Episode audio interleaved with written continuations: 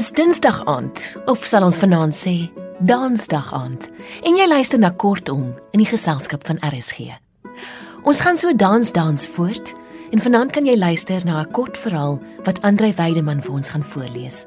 Dis uit die pen van Lloyd Sandberg en getiteld Tango. Ek het hierdie verhaal gevind in die bundel Per ongeluk. 'n Bundel wat mens letterlik hardop laat lag in publieke plekke. Lekker luister. Auntie Ash is 'n familievriend van ons en sy 2 weke terug verjaar. Ons is nie presies seker hoe oud sy geword het nie, maar my ma sê sy dink Auntie Ash kan enigiets tussen 25 en 65 wees. Dit hang af hoe jy haar vang. In lewende lywe is sy aan die einde van haar skaal. En wanneer Auntie Ash 'n wyntjie kap, kan jy haar glad nie plaas nie. Sy is soos 'n leerhandsak vol karakter en tydloos. 'n Week voor haar verjaardag laat weet sy die hele familie dat ons na haar huis genooi word vir platters en 'n drinkdingetjie. Auntie Ash en my ma se oudste broer was saam op skool en na al die jare het ons haar as familie beskou. Elke Kersfees het haar naam se 3 keer onder die boom verskyn. Ash het eventually soos ons begin lyk like, en selfs die Duitse dubbelkin ontwikkel. Sy en haar man het in 'n ronde huis in die middel van die dorp gebly. Dikkie dis nou haar man, is blind in albei sy oë. Dit het gebeur toe hy 'n paar jaar gelede die superglue houer met die oogdruppels verwar het. Na intensiewe ondersoeke het die dokters besluit om hom net so te los. Van daai dag af kon hy nooit weer werk of sien nie. Met die insurance geld laat bou hulle toe die geel sirkelvormige huis sodat hy maklik kan rondbeweeg. Die huis lyk soos 'n moerse proefbuis vol ammoniak. Die mynhuise het te veel gangetjies en draaie en Ash sê sy hou nie van daai blokkies houtvloere nie. Dit laat haar aan 'n Sudoku dink en sy weet nie hoe dit werk nie. Dikkie is klaar handvol en sy het nie nog tyd en krag vir onnodige vloere nie. Ash en Dikkie saam was so kommen soos 'n varkspitbraai, maar baie dierbaar. So op 'n dag tref die menopause. Dit is seker hoekom my ma 65 deel van die skaal gemaak het vir Auntie Ash lelik. 'n Alihou. Sommige hier in die eerste ronde was hy teen die dek. Sy was so onkant gevang dat sy vir Diekie in die koue gelos en op my ander oom se plaas met komkommers probeer boer het. In die aande hou sy haarself besig met landskappe, honde en groente uit ou wolbrei. Dit het vir 'n hele tyd lank amper gewerk, maar Ash het iets meer stimulerend nodig gehad. 'n Maand later bel die bure om te sê dat Diekie op hulle bank slaap en al 'n paar keer op hulle lawn en in die straat gekak het. So skryf sy daai droom toe af en gaan terug proefbuis toe. Vir 'n paar weke sit Auntie Ash met boeke, pottery klei, weer die wol in die haarstyl, sweterige nek, rooi wange, blokkies raaisels en krale. Maar niks maak haar gelukkig nie. Dikkie is besig met sy eie program. Een middag is Ash gou by die mark in vir vars melk en 'n boksie rookgoed. Voor by die til vang die pink en swart pamfletjie haar oog. Latin Ballroom staan groot voorop. Ash gryp een en gooi dit sommer saam met die rook en melk in die plastieksak. Op pad huis toe begin Ash se kop maal. Sy draai die musiek harder en net daar besef sy sy het niks om te verloor nie. En so het sy besluit om met ballroom te begin. Dis nou al 6 maande wat sy so rondwals. Volgende maand neem sy deel aan haar eerste kompetisie in die kerksaal. Die judges kom van Bloemfontein af en sy weet nooit waar lê haar lak nie. Sy wil groot gaan. Haar instrukteur het voorgestel dat sy die eksamenstuk as voorbereiding vir al die gaste by die verjaardagviering doen dan is hy nie so nervus by die kompetisie nie. Ek was ontstel toe ek hoor Auntie Ash het die hele dansskool ook genooi, want ek kom nie oor die weg met mense wat ballroom doen nie. Dis die soort wat posseels versamel, resepte file, brood vries, allergies is vir gras en chat nie oor alles bliksem. Die aand voor die tyd gooi sy die hele huis vol babapoeier, maak vir Dikkie aan die toonbank vas en oefen dwars deur die nag. Sy pak al die losstaande meubels en porseleinhonde buite want die instrukteur sê die tango soek spasie. Es span 'n ou laken tussen die kamerlig en die vensterraam en daar agter hang sy die gehuurde danspakkie. Sy wil nie hê die mense moet haar outfit voor die tyd sien nie. Auntie Ash het vir Martie, wat sy by die dansskool ontmoet het, gevra om die vingerappies te organise. Martie sê my ma is gebou soos 'n long drop, baie water in die onderlyf en hou van jonger mans. Maar sy maak 'n platter wat vir niks skrik nie. Ash se aandag moet en volle by die rotine wees want sy sukkel blykbaar nog met die heel changes en sy het net een kans om te impress. Ek wou nie eintlik die ete bywoon nie, maar my ma het gesê Ash like my stikkend en sy wil vir my en my broer een van die dae vir yskriem vat.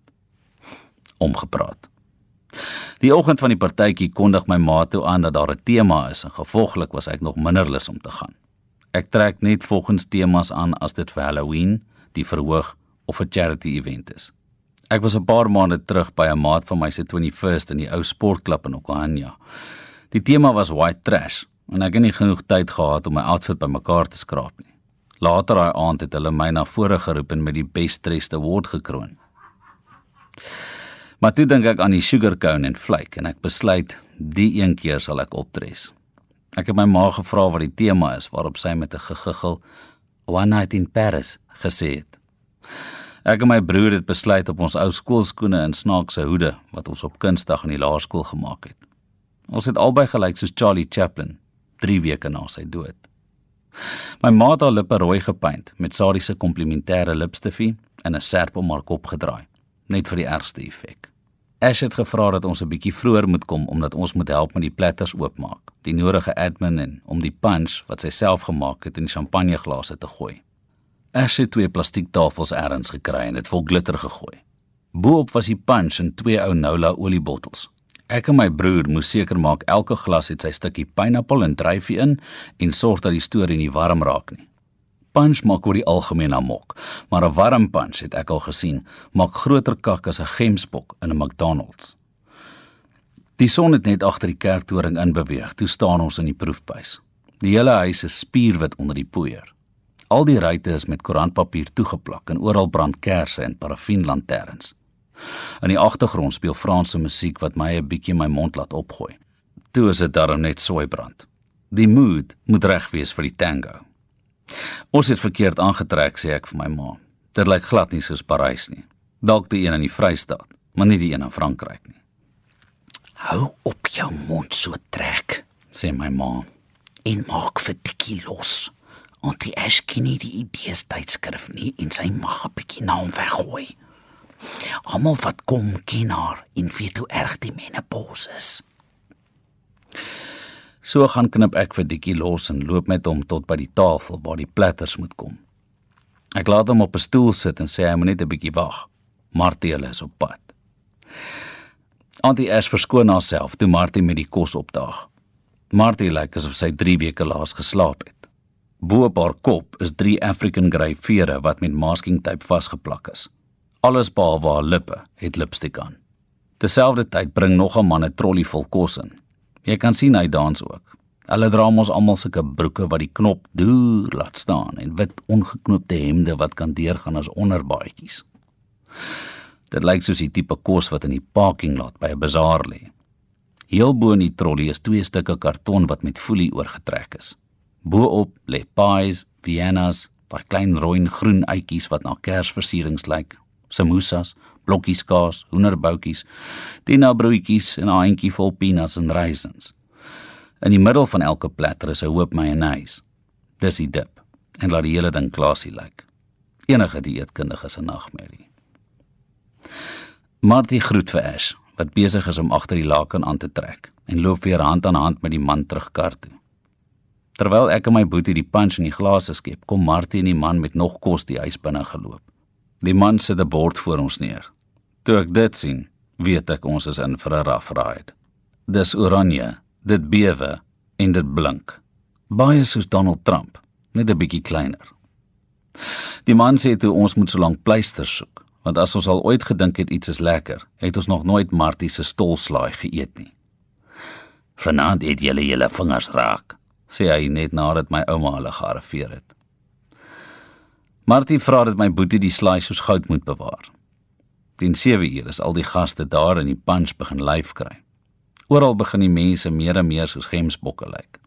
Antoine, die Franse instrukteur, vra in 'n verbrokkelde Engels dat ons moet nader staan. Antie Ash se enkels is opgewarm en sy het vir die eerste keer daai laaste draai onthou. Dis die oomblik. Ek gee vir my ma die teken dat sy die musiek moet speel. Die mense sit op plastiekstoele reg rondom die sitkamer. Die instrukteur gaan staan in die middel en begin hardop tel. As hy daai eerste beat mis, is dit verby. Die helfte van die dansskool hou duim vas en die ander helfte is besig met resepte uitdeel. Martie en Pleister huil albei. En toe laat sak Antie Ash die laken. Sy staan in 'n posisie wat ek nie gedink het is menslik moontlik nie. Stadig laat sak sy die een hand terwyl die ander net sy een se kop op haar skouer lê. So loop Antie Ash asof sy blaasinfeksie het tot in die middel van die kamer en gryp Antoine se hand. Un, deux, trois. Tel hy in sy taal. En daar trek Antie Ash weg met 'n move wat goed genoeg is vir 'n foto. Antoine werk vir haar soos 'n stuk skilverdeegdes nie telkompoeier. Sy kry nie kans om asem te skep nie. 4 en 'n half minute later toe die stof gaan lê, smile hulle albei van oor tot oor. En is toe dat Martie met Donald Trump nader stap. Dikkie is besig met sy eie program. Sy mond en vingers is grasgroen soos hy daai uitjies gestraf het. Antoine sak neer op sy een knie. Ek en my broer sluk nog punch. Nou staan Martie langs Antoine. Niemand weet wat aangaan nie. My ma sit die musiek af en die ligte weer aan. Martie gee die stolslaai vir Antoine en gaan staan weer by pleister. Toe druk Antoine sy hand in die slaai, grou 'n bietjie rond en haal 'n goue ringetjie uit. Antie Ash plaas albei haar hande oor haar mond soos iemand wat wil kots. Ek vat nog 'n sluk. Toe neem Antoine haar linkerhand en gly die ring aan. Ons het dit glad nie sien aankom nie. Dikkie en Kleis. Maar ten minste het hy 'n verskoning.